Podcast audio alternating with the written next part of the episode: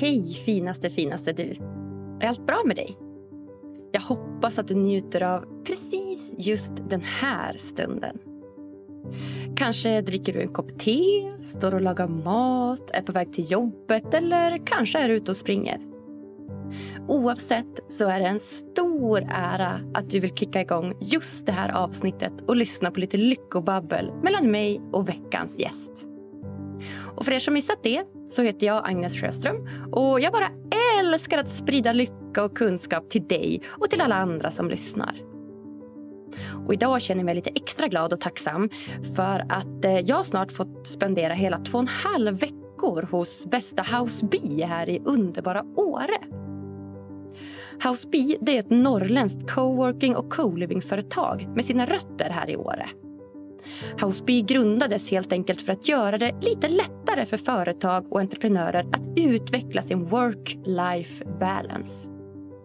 För deras ledord det är work, play, be vilket betyder att de förespråkar smart arbete före hårt arbete att de förespråkar play, alltså a lot of playing om det nu är att åka snowboard, eller skidor, eller vandra i bergen eller tura, eller yoga eller kitesurfa eller något helt annat.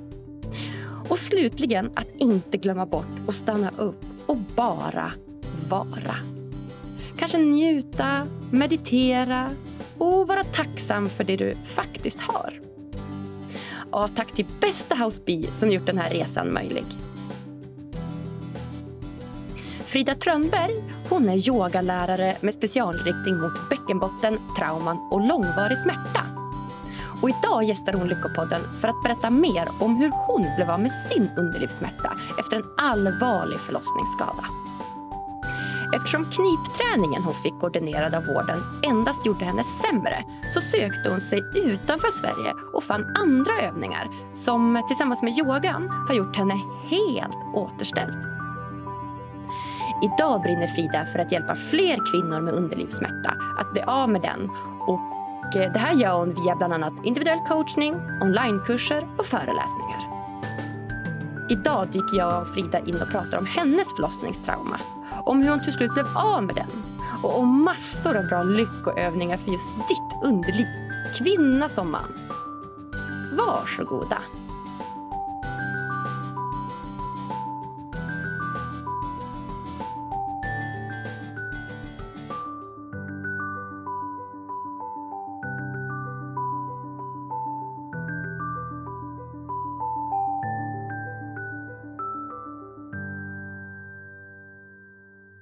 Varmt hjärtligt välkommen till Lyckopodden, Frida Trönberg.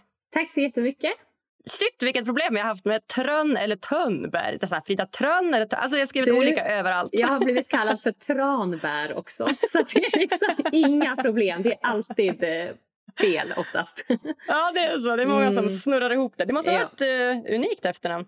Ja, det kommer från Trönö uppe i Hälsingland. Jag tror det är min ah. farfars far som tog det namnet för att han bodde i, det, i den lilla byn. Liksom. Ah, vad fint! Ja, väldigt unikt. Mm, ja, tack. verkligen. Gud, jag har alltid velat ha ett uh, unikt efternamn. Jag tänkte att när jag ska gifta mig då ska jag byta namn. Det. Så att jag får något roligt. Så Sjöström, det är inte så kul. ja, men ändå, ändå fint tycker jag. Liksom. Det ja. tycker jag. Mm. Ja, sådär, lätt, lätt, jag lätt, lätt, att stava till i alla fall. Jag måste alltid, bok, jag måste alltid bokstavera. Ja. Det, mm. ja, det är det. Det är lätt att stava till. Ja, vi får se det positiva. mm, exakt, exakt. Ja, Frida, hur mår eh, Fiffi eh, idag då? Eller vaginan eller vad man nu ska kalla det? Väldigt bra faktiskt. Eh, alltså inga problem. Jag är i Spanien, har gått. Igår gick vi typ så här över 10 000 steg. Mm. Ehm, alltså normalt sett, alltså för flera år sedan, då fick jag väldigt ont av att, av att gå. Jag kunde knappt gå barnvagnspromenader för jag hade så himla ont i mitt underliv. Men Oj. nu liksom så ja, promenerar man på utan att tänka på det. Och det är ju det som är liksom målet såklart med, med det jag gör. Att du ska kunna leva ett normalt liv utan att märka av ditt underliv eller utan att hela tiden checka in med det, liksom, hur, det, hur det mår. Ja men verkligen, för det känner jag också att så, här, så länge liksom, underlivet är nöjd då är jag nöjd. Liksom. Exakt. Då, ja, ja, ja men det, det är verkligen så. Ja. Har man ont i ett sånt område som är liksom så känsligt och så ganska så här, tabubelagt område överlag. Jag menar, mm. Du kan ju säga typ så här, ja, men jag har ont i, ja, jag har ont i ryggen idag. Mm. Det är någonting du kan säga till arbetskamraterna. Men det är inte så att du säger så här, jag har väldigt ont i mitt underliv idag. liksom i det här öppna kontorslandskapet. Det gör man ju inte. Nej. Så, men, det, men, men det är väldigt många kvinnor som lider av underlivssmärta. Så är det tyvärr. Ja, jag har förstått det också. Vi har spelat in något avsnitt om just underlivssmärta. Och, eh, personligen har jag liksom aldrig haft några som helst problem det åt det hållet. Ja, mm. Jätteskönt. Men däremot, så, på tal om tranbär, så har jag haft väldigt mycket urinvägsinfektioner. Så att, eh, jag vet vad, vad tranbär och tranbärsjuice är. Och ja. druckit det mängder. Alltså. Mm. Just det, och faktiskt, alltså upprepade urinvägsinfektioner kan ju vara en anledning till att man får alltså långvarig underlivssmärta. Det var, det var en av anledningarna som, som gjorde att jag fick så ont. Ja, så det är så. Det, ja, absolut. Om man, har, om man får många urinvägsinfektioner så kan det göra att man blir väldigt spänd. Man har ont under en längre tid i området. Mm. Mm. Ja, ja, men exakt. Jag håller på att göra en sån här ordentlig utredning nu då, hos eh, min vårdcentral. Liksom, och försöka gå lite djupare. Att så här, istället för att bara få eh, Selexid eller Furudantin ja, som är den exakt. klassiska antibiotikan så, så har vi liksom, försöker vi nog gräva lite djupare. Att så här, men varför får jag det? Och typ, ja, men vad kan man göra åt det liksom, på ett djupare plan än att bara bota liksom, själva symptomen i sig. Mm. Um, så, det är nog klokt. Ja. Jättebra. Ja. Ja, men verkligen. Ja, snyggt, snyggt. Ja, men så härligt då. Så Fifi mår bra och då mår, mår, mår du bra också då. Exakt, så kan man säga. Ja, ja. så bra. Ja, men jag vet att du har haft lite tidigare problem då, bland annat från en förlossningsskada då. Ja, exakt. Var det där dina besvär började? Ja, absolut. Jag menar, jag hade inte tänkt på mitt underliv överhuvudtaget egentligen. Man gör ju typ inte det om man inte har problem med det. Det är så det ska vara liksom. Men för fyra år sedan födde jag min dotter och fick en förlossningsskada. Och efter den så fick jag också många urinvägsinfektioner. På, liksom på raken hela tiden som återkom. Och jag hade också väldigt mycket ångest och stress under den här perioden för att jag sökte hjälp många gånger och fick liksom inte riktigt den hjälp jag behövde där och då. Och eh, ja, men jag fick höra mer eller mindre att jag skulle knipträna, att det var det som var problemet och, och så. Och gjorde det väldigt eh, duktigt kan man säga. Vilket gjorde att jag blev jättespänd i min bäckenbotten istället. Så besvären blev ännu värre. Så jag menar, bäckenbotten är ju som vilken muskel som helst egentligen. Att aktiverar du muskeln för mycket, spänner den för mycket och inte lär dig att slappna av ordentligt så kan den bli väldigt spänd. Alltså på samma sätt som att axlarna dras upp mot öronen liksom, så kan du bli spänd i bäckenbotten. Man pratar mycket om knip, men inte så mycket om avslappning. Så att jag eh, hade, alltså min bäckenbotten var extremt spänd i ja, men, åtta månader ungefär efter min förlossning. Men visste, jag visste inte att, det, att den var det då. Jag hade bara ont. Liksom. Så, och som jag sa liksom innan, att jag kunde ju knappt gå barnvagnspromenader. Att gå var nästan värst. Faktiskt. Mm. Eh, och jag var ju liksom ja, föräldraledig under den här perioden och min dotter sov bäst i barnvagn. Men jag kämpade på med att gå. Men det gjorde väldigt, väldigt ont och fortsatte liksom att söka hjälp. Eh, men det tog mig, ja det var den femte gynekologen faktiskt som hittade mina skador. Jag hade ju då en, en förlossningsbristning som inte var ordentligt sydd, det vill säga en mm. förlossningsskada. Så jag hade ju lösa, jag hade ju skador på muskulaturen fortfarande. Så, liksom, alltså, så att när barnet kom ut, hade du spruckit? Är det det ja. som hade hänt? Eller? Ja, okay. exa exakt. Så jag, hade ju, jag hade ju spruckit ganska mycket.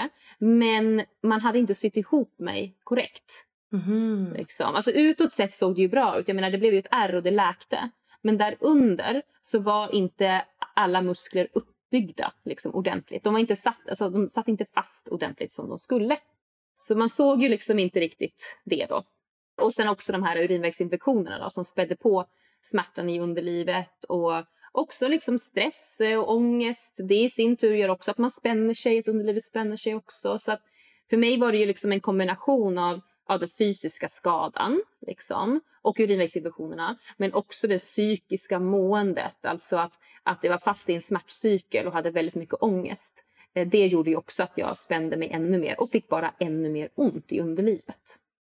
Ja, det kan jag verkligen tänka mig. Alltså, jag nästan sitter och så här får gåshud. Nu ser ju inte lyssnarna det, men alltså, det är tufft att höra, speciellt när man är kvinna ja. och vet hur det, hur det kan vara. Och det, det är bland det värsta tycker jag att, att gå på så här, gynekologundersökning hela tiden. Och du vet, de ska in med så här kalla bestick, ja. jag på säga. Och, alltså, det är ju sjukt otrevligt. Väldigt, väldigt otrevligt. Ja, men verkligen. Och liksom också då att att behöva utstå den, den, de undersökningarna och sen att jag inte fick hjälp heller. Nej, exakt, Utan exakt. att jag fick höra att jag skulle knipa när jag faktiskt skulle göra motsatsen. Jag skulle lära mig att slappna av. För min smärta i sig, smärtan i sig, det berodde på att jag var spänd. Jag var spänd i bäckenbotten. Som hade orsakats då av att alla muskler var liksom inte på plats då. Eh, och att jag hade fått urinvägsinfektioner och mitt psykiska mående. Men smärtan berodde på en överspändhet. Alltså tänk dig som att du har nackspärr fast Ja. du har det mellan benen. liksom. Ah, ah, shit. Ah, så fem gynekologer alltså. Det, var ju, Ja. det, var ju, det, var, det tog ett tag då förstår jag innan man verkligen hittade liksom, orsaken. Hur kom det sig att hon hittade den då? Hur kunde hon liksom? Därför att hon är bäst i, i eh, landet Ja, på att hitta det. Så att jag, eh, ja, jag sökte liksom mycket information på nätet, Eh, i Facebookgrupper och så vidare. Och eh, så bodde jag liksom i Östergötland, hade, hade turen att bo i Östergötland och där finns en, ett stort bäckenbottencentrum då på kvinnokliniken. Så att jag visste liksom vilken läkare jag skulle söka mig till. Så jag skickade, jag skickade egenremiss dit. Och då hittade hon mina skador och jag eh, opererades sen också några månader efter. Så jag opererade mig ett år efter att jag hade fött barn. Jag opererade mig ju direkt efter förlossningen förstås. Men sen så var den här omoperationen skedde då ett år senare. Mhm, Shit, okej. Så att om lyssnarna nu, någon lyssnare som lyssnar här som också har liksom förlossningsskador och vill ha hjälp med det, då kan man kontakta dig kanske och få namn på den här äh, Ja, absolut. Det kan man göra. Och så är ju, jag skulle mest helst rekommendera att man går med i den här Facebookgruppen faktiskt. Förlossning, den heter Förlossningsskadad. Du är inte ensam. Där, för det, det, det är så himla många personer som är med där. Det är tusentals personer. Och där finns det ju jättemycket bra hjälp. Det finns ju andra bäckenbottencentrum runt om i landet också att ta sig till. Bland annat till i, i Stockholm. Och så. så att det finns andra platser också. Men jag hade ju turen att bo i Östergötland så jag, jag, jag kontaktade ju en person inom mitt egna landsting, då, eller min Just det. region.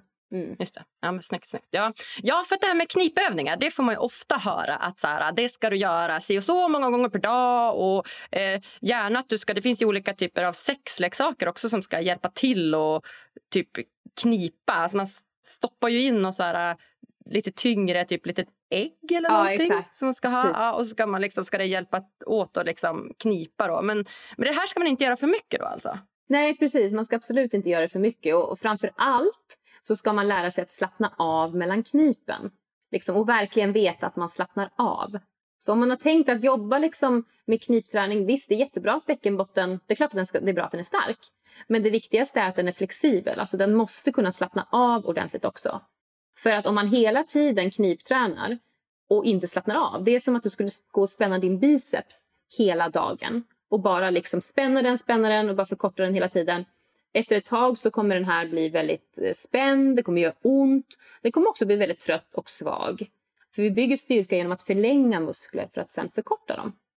Så ja, det är väldigt mycket fokus på knipträning överlag i samhället. Liksom. Alla vill ha ett tajt underliv, typ. Men Ja. det är ju så. liksom. Eh, men det är otroligt viktigt att kunna slappna av. För att kan man inte det, då kan man få en hel del problem. Och ett problem kan ju vara till exempel alltså smärtproblematik som jag fick. Mm. Just det. Ja, men exakt. Ja, verkligen. Ja, jag kan ju inte tänka mig att det finns något värre än att ha ont i liksom, den mest intima delen Nej. av ens kropp. Liksom. Det måste ju vara fruktansvärt. Ja, det begränsar ju en väldigt mycket med tanke på att det är svårt att sitta. Kanske också med samlivet. Liksom, och ja, men också röra sig. Men jag hade ju problem att gå till exempel. Så att det, det begränsar en väldigt mycket. Det är inte som att ha ont i handen. Liksom. Det är verkligen du har ont i mitten av kroppen. Så bäckenet förbinder underkropp och överkropp. Så att det som händer där i underlivet det kommer påverka resten av kroppen också på olika sätt. Ja, ja men exakt. exakt. Mm. Shit, så du kunde liksom inte gå. Hur, hur kändes den här smärtan? Vad var det för typ av smärta du hade? Nu, nu du ska få ännu mer gåshud kanske. Vad exakt. Bring it. Nej, men alltså jag beskriver det lite grann som att du karvar ur en pumpa. Alltså det kanske låter märkligt, men liksom som en kniv. Alltså som att det, liksom, det drar som att du skulle karva ur en pumpa. Alltså som att du skulle ha nackspärr då, fast det är mellan, mellan benen. Så i mitt fall var det ilande, ja men typ knivhugg. Liksom. Alltså, va? Och konstant, alltså det känns som, att, som en korsett liksom, runt bäckenet. Jag kunde också beskriva det som att det känns som liksom en, en bild jag får av typ en knytnäve som hela tiden knyter sig. Alltså att den drar ihop sig den bilden också liksom, när jag tänker på den här, eh, den här tiden. Och det är intressant, för nu när jag pratar om det liksom, så märker jag faktiskt att min bäckenbotten spänns lite. Det är så? Ja, och det visar sig väldigt så tydligt på den här kopplingen mellan stress, oro, ångest och spändhet i bäckenbotten. Så att det är liksom, när vi blir rädda eller oroade, oroliga så drar vi upp axlarna automatiskt mot öronen. Något är obehagligt. Vi ryggar, i, liksom, vi, vi, vi ryggar bort från, från det otäcka på något sätt. Och samtidigt kniper vi också omedvetet med bäckenbotten. Så det är därför så otroligt viktigt med det arbete jag gör, att inte bara jobba muskulärt. För det är ofta inte tillräckligt. Jag menar, du kan stretcha och massera bäckenbotten hur mycket som helst. Men om man känner sig orolig, rädd och stressad, vilket man ofta gör när man har smärtproblematik och framförallt i underlivet, så kommer inte just den här stretchen och inre massagen och vad det nu må vara ge en hållbar lindring. Utan det är just det här med att liksom, jag börjar känna sig trygg i kroppen, vid trygghet slappnar muskler av, lugnar ner stressresponsen, eh, lugna liksom det här överbeskyddande nervsystemet som vill vakta underlivet hela tiden när man haft eh, ont en längre period, så som jag hade. Så att man börjar känna sig mer, eh, ja, men mer, mer trygg, mer lugn. Ja, verkligen nervsystemet lugna så att man kommer ner i varv. Det är så viktigt verkligen för den här problematiken, för bäckenbotten spänns när man är rädd och orolig. Så både den fysiska smärtan men också den mentala biten att faktiskt ja. slappna av. Ja, nej, jag, ångrar ju, jag ångrar ju redan frågan. jag känner i början, vet, precis som du sa, jag bara kröp Exakt. ihop på stolen och bara armarna i kors. Lyssnarna ser mig ju inte men jag bara rynkar i pannan och upp med axlarna och bara tycker att det känns så det, det, känns liksom i kroppen även fast man själv inte haft den problematiken. Ja. Det där, jag tycker det är så otroligt intressant faktiskt. För det finns till och med en studie när man har gjort på det där. Just att att bäckenbotten spänns och axeln åker upp mot öronen när man tittar på um, otäcka videofilmer. Så otäcka videoklipp, så, så fem minuters videoklipp med något skräcktema eller något sexuellt hotfullt videoklipp var det också, gör att, att axlarna åker upp mot öronen, att trapezius spänns liksom, och också att bäckenbotten automatiskt också spänner sig. Så det är så häftigt. Och det är liksom, sen är det så att nervsystemet kan inte skilja på yttre och inre hot. Så om man själv hela tiden går och tänker att allt är så hemskt och, och så vidare, vilket är logiskt när man är inne i en smärtcykel och har ont i underlivet.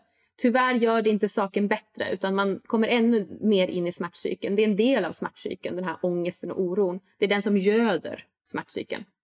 Så vi behöver lugna den framför allt för att kunna bryta oss ur den här smärtcykeln av underlivssmärta. Så typ att, att ha sex och sånt, det fanns liksom inte ens på kartan då? Där, nej, nej, nej. Och det var ju nej. vårdpersonal tyvärr som eh, uppmanade mig till att börja med det.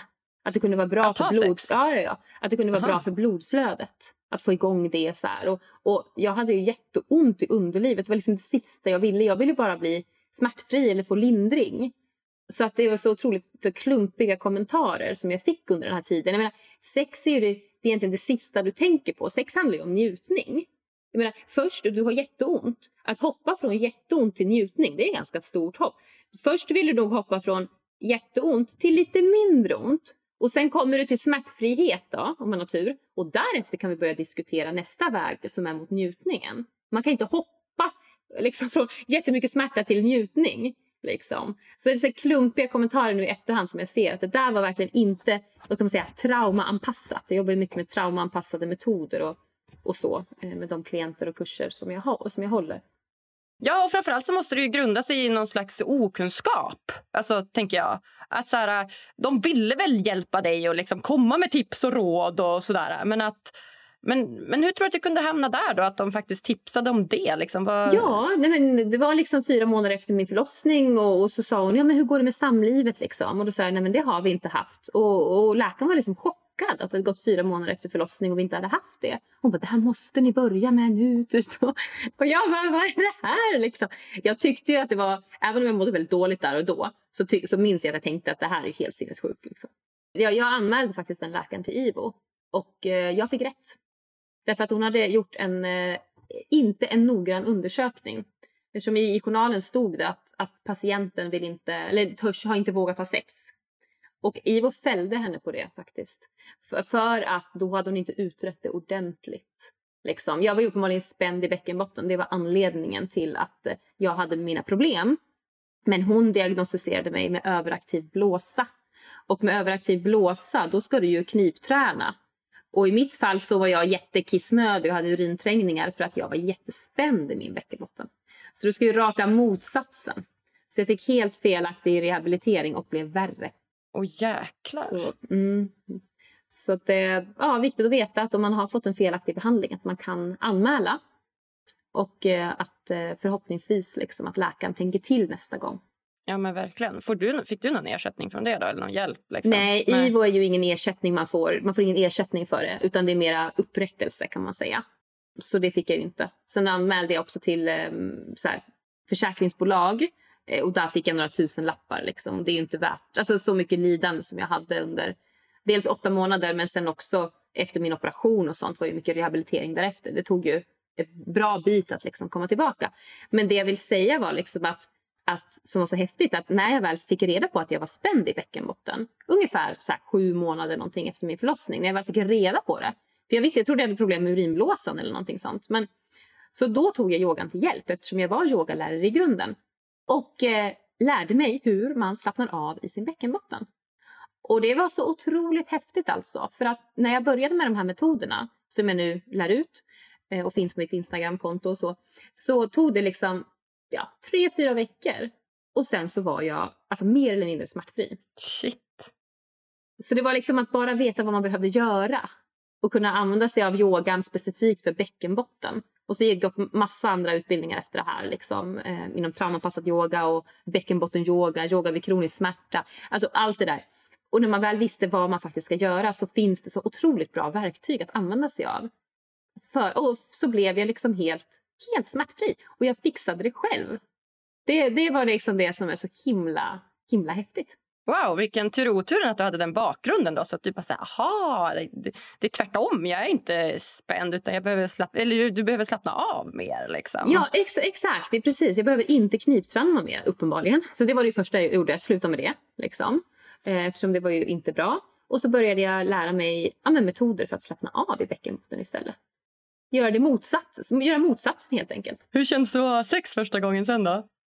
Ja, det kändes ju, alltså vad ska man säga? Jag hade, då hade jag ju fortfarande en förlossningsskada. Liksom, så jag var ju inte klar läkt. Jag skulle vilja säga, det kändes, det kändes faktiskt precis som vanligt. Det var, ingen skill det var faktiskt ingen skillnad. Nu däremot så har jag jobbat upp jättemycket styrka i min bäckenbotten. Så nu är det ju mycket, mycket bättre. Alltså, och nu har jag, nu, sexet är bättre nu än det var innan jag ens fick barn.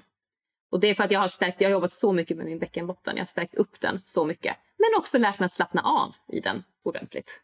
Just det. Men när du pratar om att du har stärkt upp den då, är det då via knipövningar eller är det på något annat sätt som du stärker upp den? Jag har stärkt upp den till viss del med knipövningar. Men jag har hela tiden fokuserat på att eh, slappna av ordentligt mellan knipen och jag gör det i takt med andningen. Så jag jobbar med någonting som kallas för omvända knip. Då, då när man andas, du andas in djupt ner i bäckenbotten och när man andas in så ska diafragman sjunka, så vår andningsmuskel den sjunker trycker på de inre organen så bäckenbotten sträcks ut lite. Så när jag andas in, om jag tar ett djupt andetag nu, då känner jag tydligt hur min mellangård, alltså området mellan anus och vagina, buktar utåt lite. Jag, har liksom, jag andas med min bäckenbotten. Bäckenbotten sänks lite på inandning. Så jag får en avslappning bara genom att andas. Och sen när jag andas ut, om jag andas ut lite, lite hårdare liksom, så kan jag mjukt lyfta upp min bäckenbotten lite grann. Bara pyttelite. Och sen kan jag andas in igen och då släpper jag ner och då känner jag återigen den här vidgningen. Alltså som att bäckenbotten kommer ner, mellangården buktar utåt. Och sen kan jag ta flera andetag där i så fall. Och sen om jag vill så kan jag liksom andas ut på en utandning och lyfter upp lite mjukt igen. Men framför allt, eftersom att jag tenderar till att bli överspänd och många kvinnor gör det, så mer fokus på inandning, alltså mer fokus på att slappna av och släppa ner. Och den här metoden som jag nu pratar om, det är en av de första sakerna jag går igenom med mina klienter. Och då kan man ju hålla, du kan till och med hålla ett finger på din mellangård. Alltså du har kläder på dig, du sätter ett finger på mellangården och du jobbar på att andas dit. Kan, när du ligger på sidan till exempel brukar kunna vara den lättaste eh, övningen. Och när du andas in då ska du kunna känna hur mellangården buktar utåt mot ditt finger. Och när du andas ut så bara kommer den tillbaka igen. Så du behöver inte knipa och inte krysta då. Utan nu jobbar vi bara på att skapa kontakt och vi jobbar med sänkning av bäckenbotten. Få den att sträckas ut automatiskt med hjälp av andningen. Otroligt kraftfull metod för att du kan sitta i ett kontorslandskap och du kan jobba med att sträcka ut din bäckenbotten och sänka din alltså spänningsgrad i, i bäckenbotten genom and, andningen och ingen, aning, ingen har någon aning om att det är det du gör faktiskt.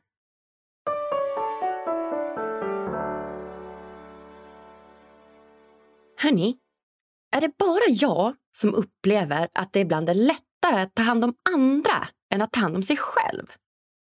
Ja, det speglas verkligen i mitt engagemang kring just försäkringar. För mig tar det emot så mycket att behöva jämföra, ringa, teckna och säga upp olika typer av försäkringar hit och dit. Du ska veta vad de täcker, vad de inte täcker och så vidare och så vidare. Därför så stänger jag lätt av öronen när det kommer till olika typer av försäkringsbolag. Men när jag fick veta att det finns en försäkring att teckna mycket för andras skull, ja då börjar jag plötsligt haja till. Det ger mig sånt peace of mind att veta att mina nära och kära mår bra.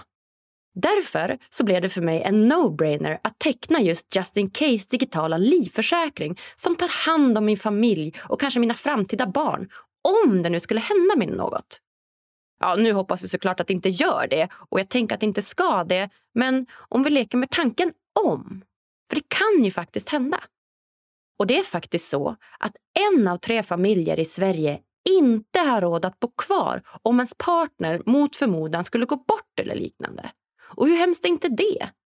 Och eftersom att vi kvinnor sjukt nog fortfarande tjänar mindre pengar i många branscher än vad just män gör så slår det ju extra hårt mot just oss kvinnor. Och det tycker inte jag är okej. Okay. Därför har jag inlett ett samarbete tillsammans med Just In Case och deras livförsäkring. Det är en försäkring som inte behöver kosta mer än 65 kronor i månaden och tar en ynka liten minut att genomföra. Och eftersom att ni är världens bästa lyssnare så blir ni såklart bjudna på första månadspremien. Gå bara in på www.justincase.se lyckopodden och teckna din livförsäkring nu på mobangen. Ja, gör det, bara gör det. Ett litet tips från mig. Puss och kram!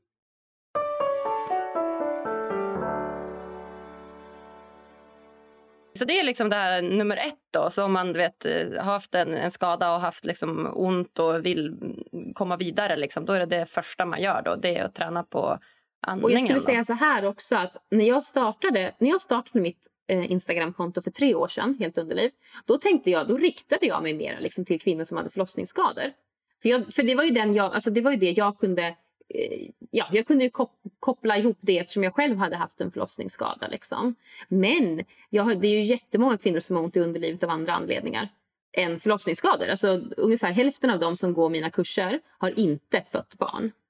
Utan då är det ju endometrios, eh, vestibulit, vaginism, vulvodyni. Eh, det finns hur mycket som helst. Upprepade svampinfektioner, upprepade urinvägsinfektioner, långvarig stress, trauma, sexuella trauman många olika anledningar till att bäckenbotten blir spänd. Så oavsett anledning till att du har ont i underlivet så kan andningen hjälpa jättemycket med att sänka liksom, eh, spänningsnivån I, och, och ge också smärt, smärtlindring. Så det är en jättebra övning att, att eh, jobba på. verkligen. Man kan göra den i sängen innan man ska sova till exempel. Jobba med att andas ner i bäckenbotten. Ja men verkligen. Och för andningen generellt så det, vill man vill ju få den här djupa andningen. Alltså man vill ju andas liksom djupt. Och ofta så är det som att man får höra att det ska stanna i magen, det ska långt ner i magen. Men man kan ju nästan ta det ännu längre, att så här, ner i bäckenbotten. Ja men precis, eh, exakt, definitivt. Inom, om, man, uh. om man har svårt att hitta andningen i bäckenbotten så som jag förklarar den så, så kan det hjälpa att andas till nedre delen av magen också. Att man lägger en hand på nedre delen av magen och tänker att du vill andas dit och så kanske du har en annan hand på mellangården bara för att skapa kontakt. Det är lättare att ta på de delar dit vi vill andas. Liksom. Hjärnan har lättare att, att koppla ihop. Så, men som du säger, precis, och framförallt om man har underlivssmärta, att verkligen jobba med att få ner andetaget ända vägen ner i bäckenbotten. Det är en jättefin metod.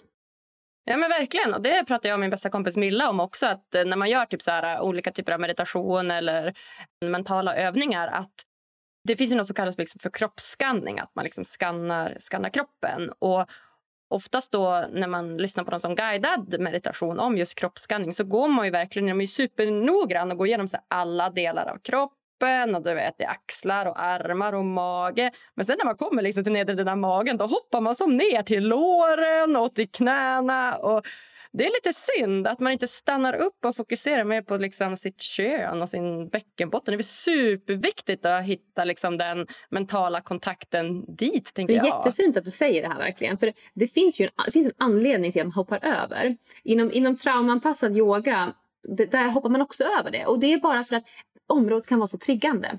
Så när du ligger mm. i en mhm. avslappning och sen börjar vi fokusera på men, vulvan och helt plötsligt wow, wow, liksom, vad händer? Det, det kan vara personer som Alltså att det är triggande. Du kanske har varit med om något övergrepp eller någonting sånt. Så det är anledningen till att man typ hoppar över ofta. I alla fall inom traumanpassad yoga. Liksom. Men sen kan det också vara att jag vet inte, meditationsläraren eller vad det är, kanske inte känner sig bekväm med att gå in på alla de där delarna. Men, men, men, men eh, när jag eh, håller klasser, då går vi ju igenom alltihopa. Liksom. Och då var det en som sa till mig, gud alltså jag måste nog kolla i någon sån anatomibok innan jag är med på dina klasser igen. För jag bara svanskotan, pubisbenet, mellangården. Vi liksom hoppar, alltså vi, vi, det är som en, en kroppsskanning fast i underlivet. Men för att kunna göra det, men det finns vissa personer som inte ens kan tänka på sina underliv utan att bli spända. Eller utan att eh, kanske få en panikattack eller, och, och, då kan man ju inte göra såna typer av kroppsskanningar utan det där är ju någonting som man, vad ska man säga, det, man trappar upp allt eftersom man blir mer van och känner sig mer eh, komfortabel med att först kanske tänka på underlivet utan att det gör att man får ångest. Och att sen kanske nästa steg blir att du andas med bäckenbotten som jag precis pratade om. Och därefter, då kanske vi kan se vad händer om vi börjar liksom med att fokusera lite på delar i underlivet. Det är lite grann det här liksom som att om du har en kroppsdel som är triggande av olika anledningar, ett underliv, du har haft ont länge, det kanske är kopplat till ett sexuellt övergrepp eller förlossningstrauma, vad det än må vara. Du vill inte direkt gå dit med ditt fokus, för det kan överväldiga nervsystemet, det kan överväldiga dig. Utan därför så rör vi oss runt. Så i mina metoder jobbar vi jättemycket med att, att eh, liksom lugna nervsystemet, hitta trygghet i kroppen, och det kan vi göra genom att an använda oss av helt andra kroppsdelar. Alltså att massera fötterna till exempel kan vara jättebra för att slappna av i bäckenbotten. Massera käken lika, likadant också. Ibland kan det ge bättre effekt av att, att använda sig av kroppsdelar som är längst bort från bäckenet. faktiskt. Därför det är inte lika triggande. Och allt det som gör att, att nervsystemet kommer ner i varv, allt som reglerar ner dig, det vill säga gör det att känna, får dig att känna dig lugn, du mår, må, må bra, behaglig, lite sömnig. Allt det där kommer också göra att din bäckenbotten slappnar av. Så det är verkligen något som, som jag skickar med lyssnarna här. Många får höra liksom att ja, man är spänd i bäckenbotten och nu måste jag massera den och jag måste göra så mycket och, och gå på det triggande området direkt. Och det behöver du inte alls göra. Utan du kan röra dig runt omkring. Liksom. Till och med massera käken kan vara jättebra tips eller massera dina fötter och hela tiden vara närvarande i kroppen. Det är inte så att, att du sitter och kollar på tv och masserar käken. Det handlar inte så mycket om att massera ut knutor i käken eller i fötterna. Det handlar mer om att komma in i kroppen och känna hur känns det när jag sätter mina fingrar i käken och jag trycker och jag masserar. Hur känns det för mig? Är det okej? Okay? Den här kroppsmedvetenheten, lite som kroppsskanning fast du faktiskt tar på kroppsdelar. Du kommer in i kroppen och lugnar sinnet. Börjar känna kanske lite mer trygghet helt plötsligt just den behaglig känsla i kroppen eller neutral känsla i kroppen. För att jobbar man med personer som har smärtproblematik så det kan kännas som att sitta på en elektrisk stol. Du vill inte vara inne i kroppen ju. Så att här kan vi börja mm, liksom, prova lite andra metoder för att mjukt få dig att närma dig kroppen och att det kanske känns, ja men här känns det ganska okej. Okay. Eller man kan fråga till exempel något som jag brukar säga, finns det någon del i din kropp just nu som känns neutral? För det är så att nervsystemet blir så liksom överbeskyddande och vaktar underlivet hela tiden. Så att fråga, finns det någon del av kroppen som känns neutral? Så bara, oj, det öppnar upp något annat liksom. För vi är mer än ett vandrande underliv som är ute och går, som jag brukar säga. Men många gånger kan det kännas som att vi endast är det. Så öppnar vi upp och vill integrera hela kroppen. Vad finns det mer i din kropp som känns okej, okay, liksom, eller neutralt? Och mina händer känns bra. Ja, ah, vad spännande. Då går vi in och tittar lite grann på dem. Hur känns det? Och helt plötsligt märker de att allt eftersom de fokuserar på händerna som känns neutrala och bara känner av liksom, okay, vad, vad skulle händerna ha för färg? Hur långt utsträcker sig den neutrala känslan? Lägg märke till vad som händer i resten av kroppen. Och helt plötsligt säger de, wow, genom att jag fokuserar på mina händer märkte jag hur min bäckenbotten slappnar av och smärtan har gått ner. Så det, det är så himla vackert liksom. Man behöver inte gå direkt på det triggande området. Vi ska göra det tryggt, tryggt och traumanpassat. Tryggt och traumaanpassat. Så himla bra. Ja, men skitbra tips. här. Så att, eh, om man har liksom en spänd, ett spänt underliv som gör ont så kan ett tips då vara att faktiskt fokusera på någon kroppsdel som är långt ifrån underlivet och som känns neutral, liksom, som inte behöver vara triggande. Ja, ja. Och det, och jag vill också poängtera liksom, att det betyder inte att vi på något sätt ska dissociera från smärta eller typ att smärtan finns inte, vi låtsas som att den inte finns, vi trycker undan den. Absolut inte.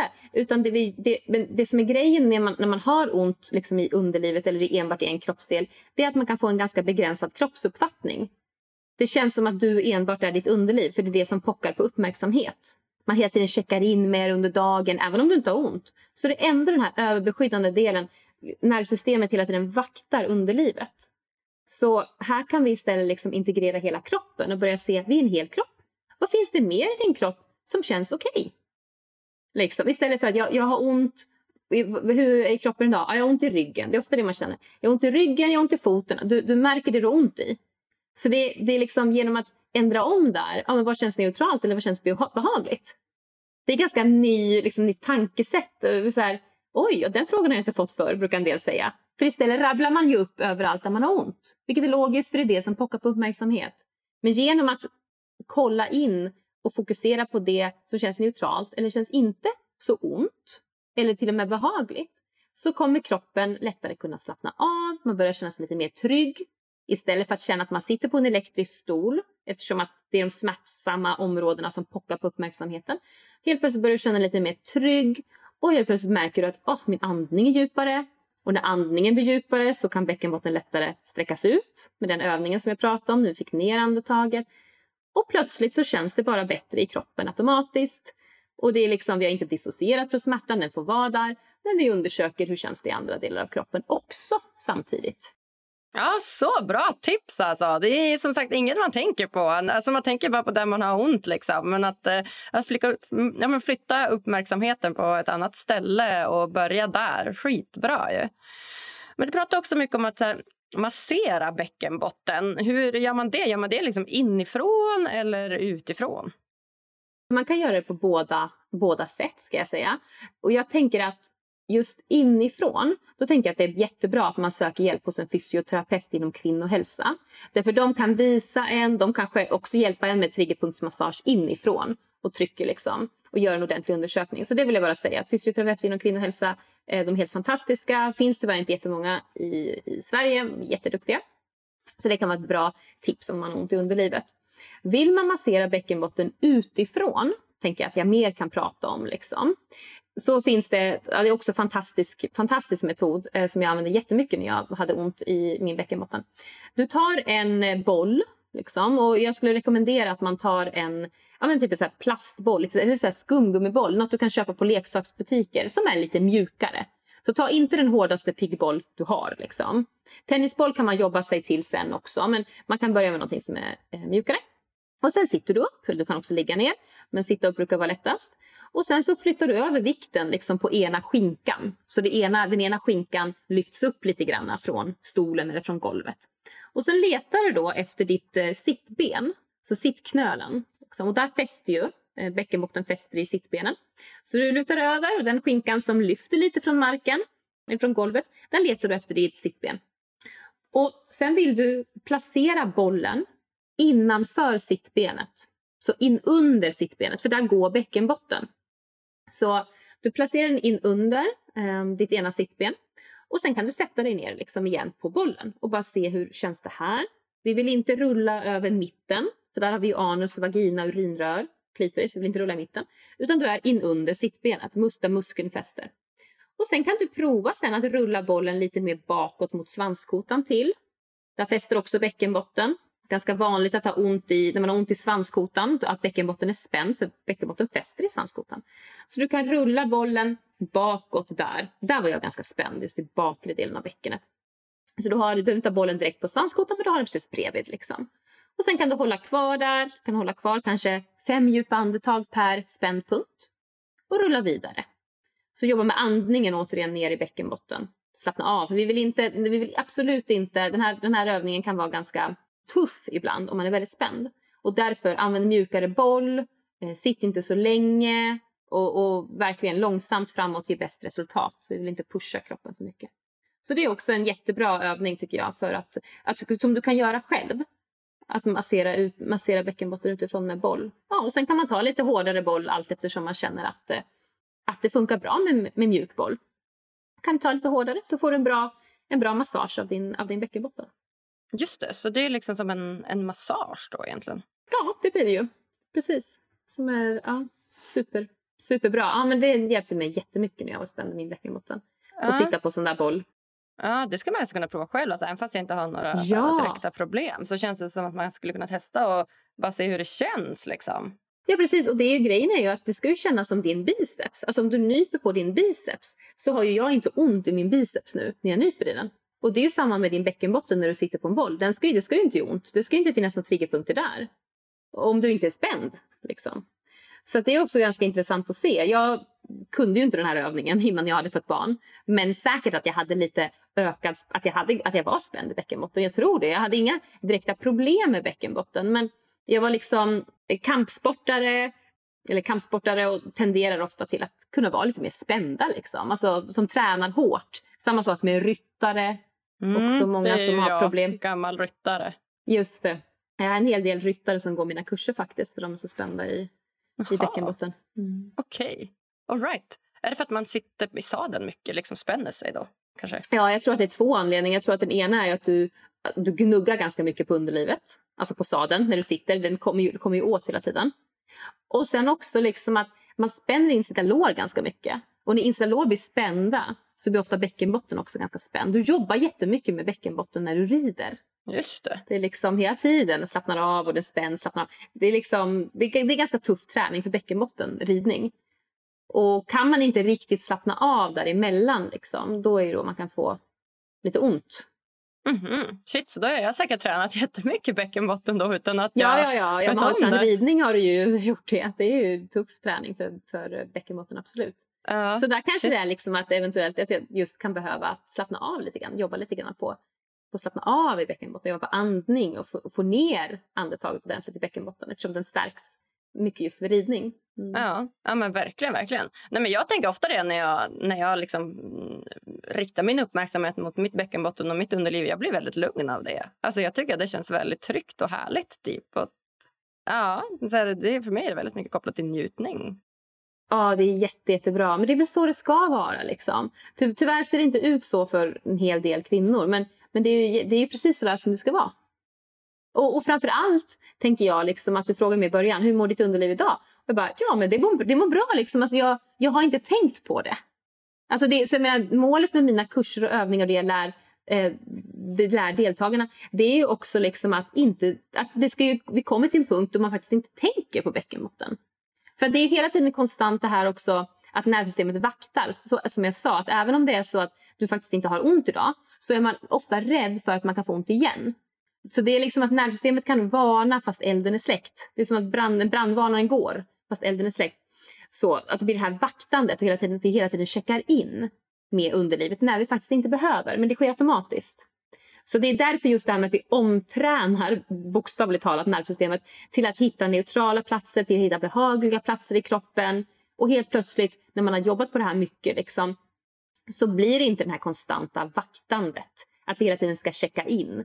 Utan helt plötsligt bara märker du att nej men oj, idag har jag gått, inte vet jag, tre kilometer och jag tänkte inte ens på mitt underliv. Och då är det bara så här, ja, det där, det visar att det, visar att det, går, att det går framåt. För det här vaktandet har, börjat, har skruvats ner. Vi behöver inte hela tiden checka in med vårt underliv. Nej, just det. Så yes, då, är det liksom, då går vi åt rätt håll. Men hur många barn har du? Jag har en dotter. En dotter, just det. Mm. Tror du att du kommer skaffa några fler barn? Det hoppas jag. Absolut. absolut. Just nu så går jag en, en utbildning till traumaterapeut inom somatic experiencing. Så det är en treårig utbildning. Och under, jag har gått ett år av eh, tre. Och under den här utbildningen så, det, så ska man inte bli gravid. Eftersom att vi jobbar så mycket med nervsystemet och vi jobbar väldigt mycket med våra egna trauman. Eh, och det är inte så bra att vara gravid under en sån process. Liksom. Eh, så att det kommer inte bli eh, på två år, så mycket kan jag säga. Nu har jag det här liksom spikat eh, med den utbildningen som jag vill göra klar. Men gärna sen lite senare i framtiden, absolut. Ja, men härligt att du inte liksom helt eh, förskräckt for life. Liksom. Nej, nej, nej. Och jag, nej. Menar, jag var ju, mina, min förlossning var på ett sätt bra, på ett sätt inte bra. Alltså det traumatiska i min förlossning var den skada jag fick. Liksom. Eh, men jag har ju jobbat jättemycket eh, med, alltså i trauma, traumaterapi. Liksom, med den här metoden som jag just nu utbildar mig inom. Och det är ju otroligt viktigt att jag har gjort det för annars skulle jag ju inte kunna ha det här kontot. Jag skulle ju inte kunna hålla kurser för personer som en hel del har haft liksom förlossningsskador och så får jag höra om det och så skulle jag triggas igång, skulle min bäckenbotten bli spänd. liksom, du vet. Så att det. det. är en förutsättning för att jag ska kunna jobba med det jag gör idag. Att jag själv har bearbetat mitt egna trauma.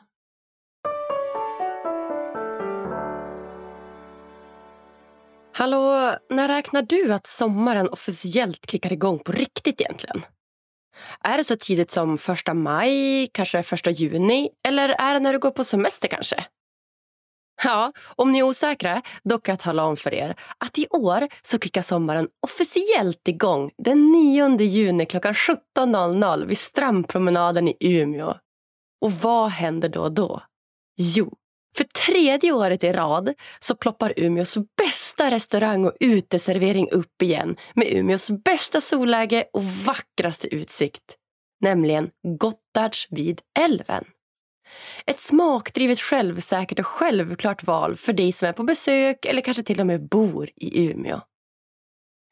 Råvarorna är lätta att älska och tillaga sedvanligt över björkkål för den rätta känslan. Och i baren så hittar du allt du vill dricka på sommaren utan krusiduller, laddat med bra stämning och såklart det norrländska sommarljuset. Ja, Gottardsviälven det är dessutom öppet hela sommaren från 11.30 till 23.00. Ja, förutom fredagar och lördagar såklart. För då förlänger de öppettiderna till hela 01 med både bar och DJ för att maxa den rätta sommarkänslan. Så himla härligt! Ja, jag har haft mina absolut mysigaste utekvällar på Gotlandsfjällälven och bara längtat till att få byta ut osäkerheten aprilvädret ger till färgglada sommarklänningar och klackar. Mums vad mysigt det kommer bli! Bästa Gortats vid älven för att ni inte bara väljer att sponsra Lyckopodden utan också för att ni väljer att rädda de ljuva sommarkvällarna med ert fantastiska ställe. Puss och kram!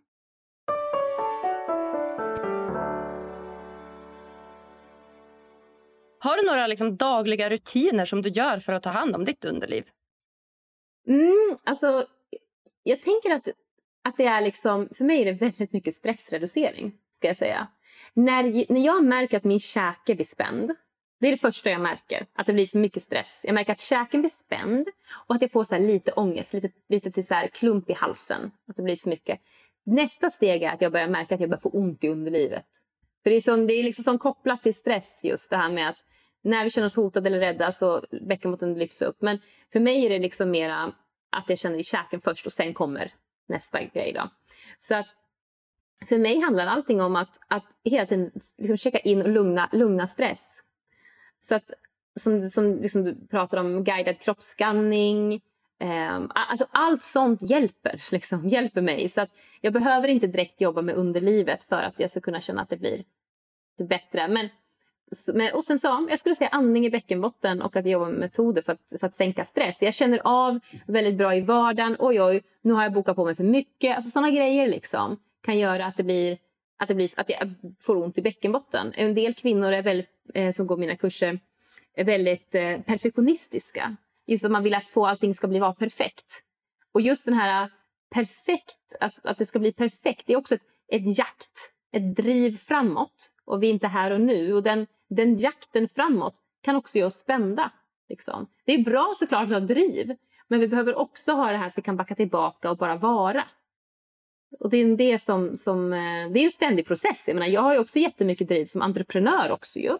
Men samtidigt är jag också yogastudent eller yogalärare. Så att det är ju, liksom att backa tillbaka är också jätteviktigt för mig. Så jag skulle säga att, att det är någonting som sker i vardagen hela tiden. Att jag liksom, okej okay, nu håller jag på att spinna iväg igen. Kan jag, kan, jag, kan jag hämta hem? Kan jag backa tillbaka? Liksom? Det är klart man kan ha stressade perioder om man gör någon större grej eller någon, någonting man ska göra. Men sen också hela tiden att, komma, att hämta tillbaka. Um, mm, så jag tror att det, det, det liksom pågår jämt. Det, det som stressar en, det, det gör eh, att, att underlivet blir spänt. Så ja, det är en, dag, en daglig process skulle jag säga. Så dagliga rutiner egentligen för att hela tiden liksom få ner stressnivåerna då med det som krävs? Ja, för mig krävs det, är det det liksom som gäller. Eh, andningen i bäckenbotten är fantastiskt hela tiden. Som slappna av. Sen har jag, liksom, jag har jättemånga bra övningar som jag älskar men det, det är svårt att förklara dem i, i podd. Jag skulle rekommendera att man går till mitt Instagramkonto Helt Underliv och tittar på sådana typer av övningar jag har. Där man kan sträcka ut bäckenbotten, då du sträcker ut insidan lår, ja, men ryggen, magen, alltså rumpa, allt det där. Eh, så jag har sådana typer av övningar som jag gör också eh, när jag känner mig spänd och när jag vill liksom sträcka ut kroppen.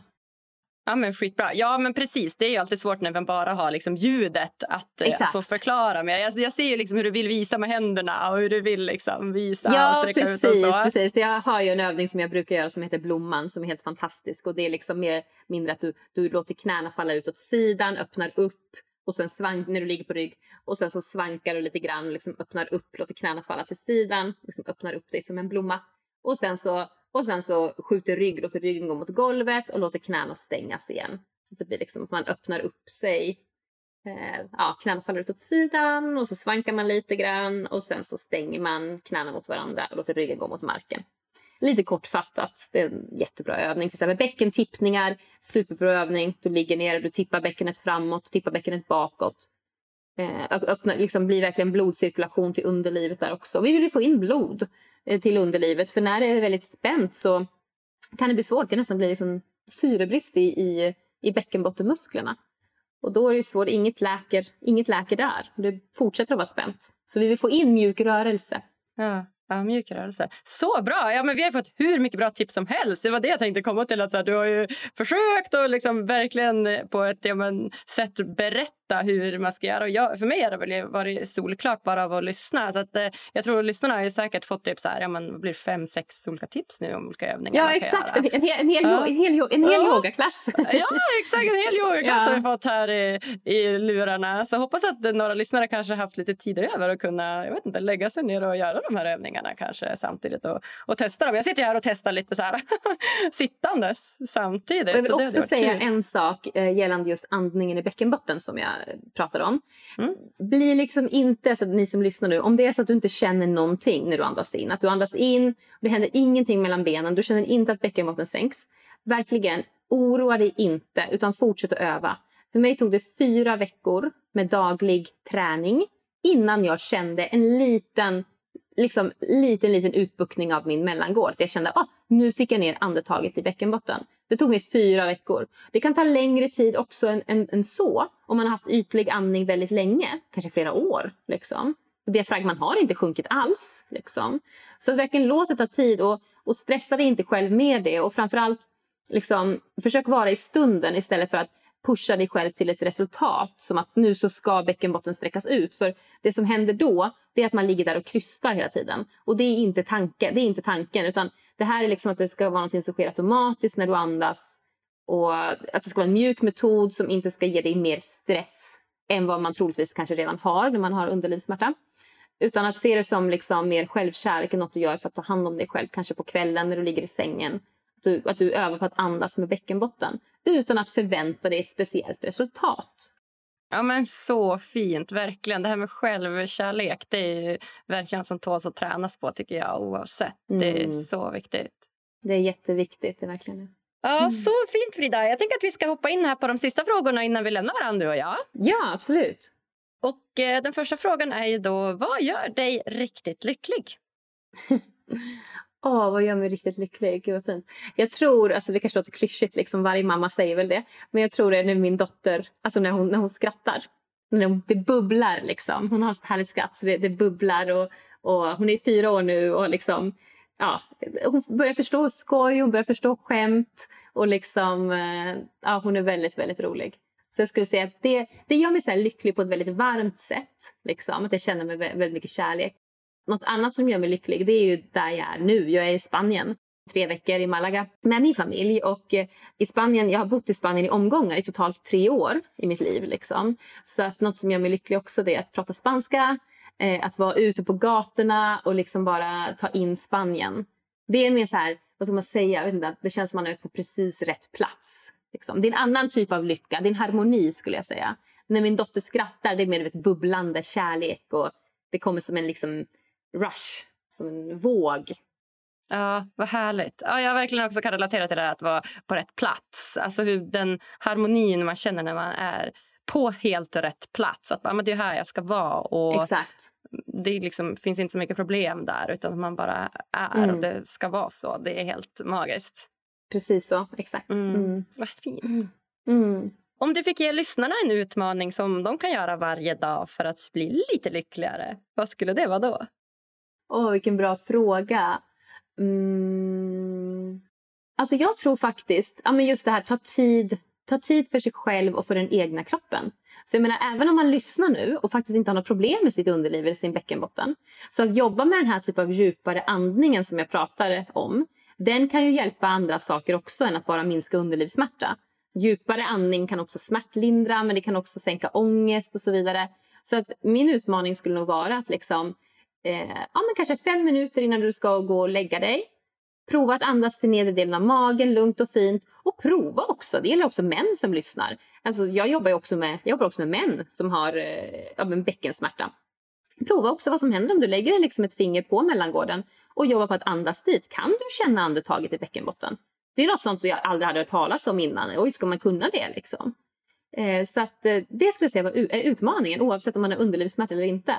Bara prova att andas med din bäckenbotten. Kan du känna någonting? Liksom? Kul! Så alla män också prova det där ute ju. Absolut. Ja. Absolut. Superbra. Det skapar också kontakt, skapar kontakt liksom till, ja. till sitt underliv, till sitt könsorgan genom att ta på liksom mellangården också. Och, och jag tycker det är ganska häftigt att göra någonting som också heller inte riktigt kanske har med njutning att göra så mycket. Utan mer med att skapa kontakt och lugn. Mm, mm. Mm. 100 procent, verkligen. Mm. Så bra. Mm. Ja, nej, är det något så här slutligen som du känner att du vill dela med dig av till lyssnarna här som du inte har fått säga än? Som jag brukar säga, så när det kommer till underlivssmärta, det finns så mycket hopp. Och det finns så mycket som du kan göra på egen hand. Det vill jag verkligen förmedla. För det är väldigt lätt att man blir väldigt beroende av att andra personer utanför ska hjälpa en. Och man tänker, nu är kiropraktorn sjuk. Nu försvann min osteopat. Nu är det kört. Alltså det där, det hör jag ganska ofta. Och jag älskar osteopater, kiropraktorer och naprapater och allt det där. Det är hur bra som helst. Men underskatta inte det du kan göra själv för att lindra underlivssmärta eller över, överhuvudtaget må bättre i din kropp. Du kan göra jättemycket. Och på min Instagram Helt Underliv, på min Youtube Helt Underliv, där finns det också jättemånga övningar. Så att, ta dig tiden till att prova dem skulle jag också säga. Ibland händer livet, man hinner inte med känns det som. Men jag la precis ut en övning häromdagen och det är så här, sex minuter avslappning i bäckenbotten på sex minuter. Det hinner man. Ja, det hinner alla. Ja, så det skulle jag säga verkligen. Ja, helt underliv. Så himla bra. Ja, jag har lärt mig supermycket av det här Frida. Så jag säger bara tack, tack, tack snälla, snälla du för att du kom och gästade mig här på Lyckopodden. Ja, tack så jättemycket för att jag var med. Helt fantastiskt. Tack. Åh, fina Frida! Jag hoppas verkligen det här avsnittet ska hjälpa dig som lider av underlivssmärta och att du, precis som Frida, faktiskt sakta men säkert kan bli av med den. Det vore helt underbart. Guidade det här avsnittet dig till lite mer förståelse om hur du kan uppnå mer lycka och välmående i livet? Ja, då hade jag blivit så glad om du ville gå in på Podcaster-appen och lämna lite kommentarer om vad just du tyckte om podden. Ge oss gärna så många stjärnor som du tycker det här avsnittet förtjänar också. Och om du missat det så finns vi också på Instagram, Twitter och Facebook. Där heter vi såklart Lyckopodden. Ta hand om er nu finisar, så hörs vi på tisdag igen. Puss och kram!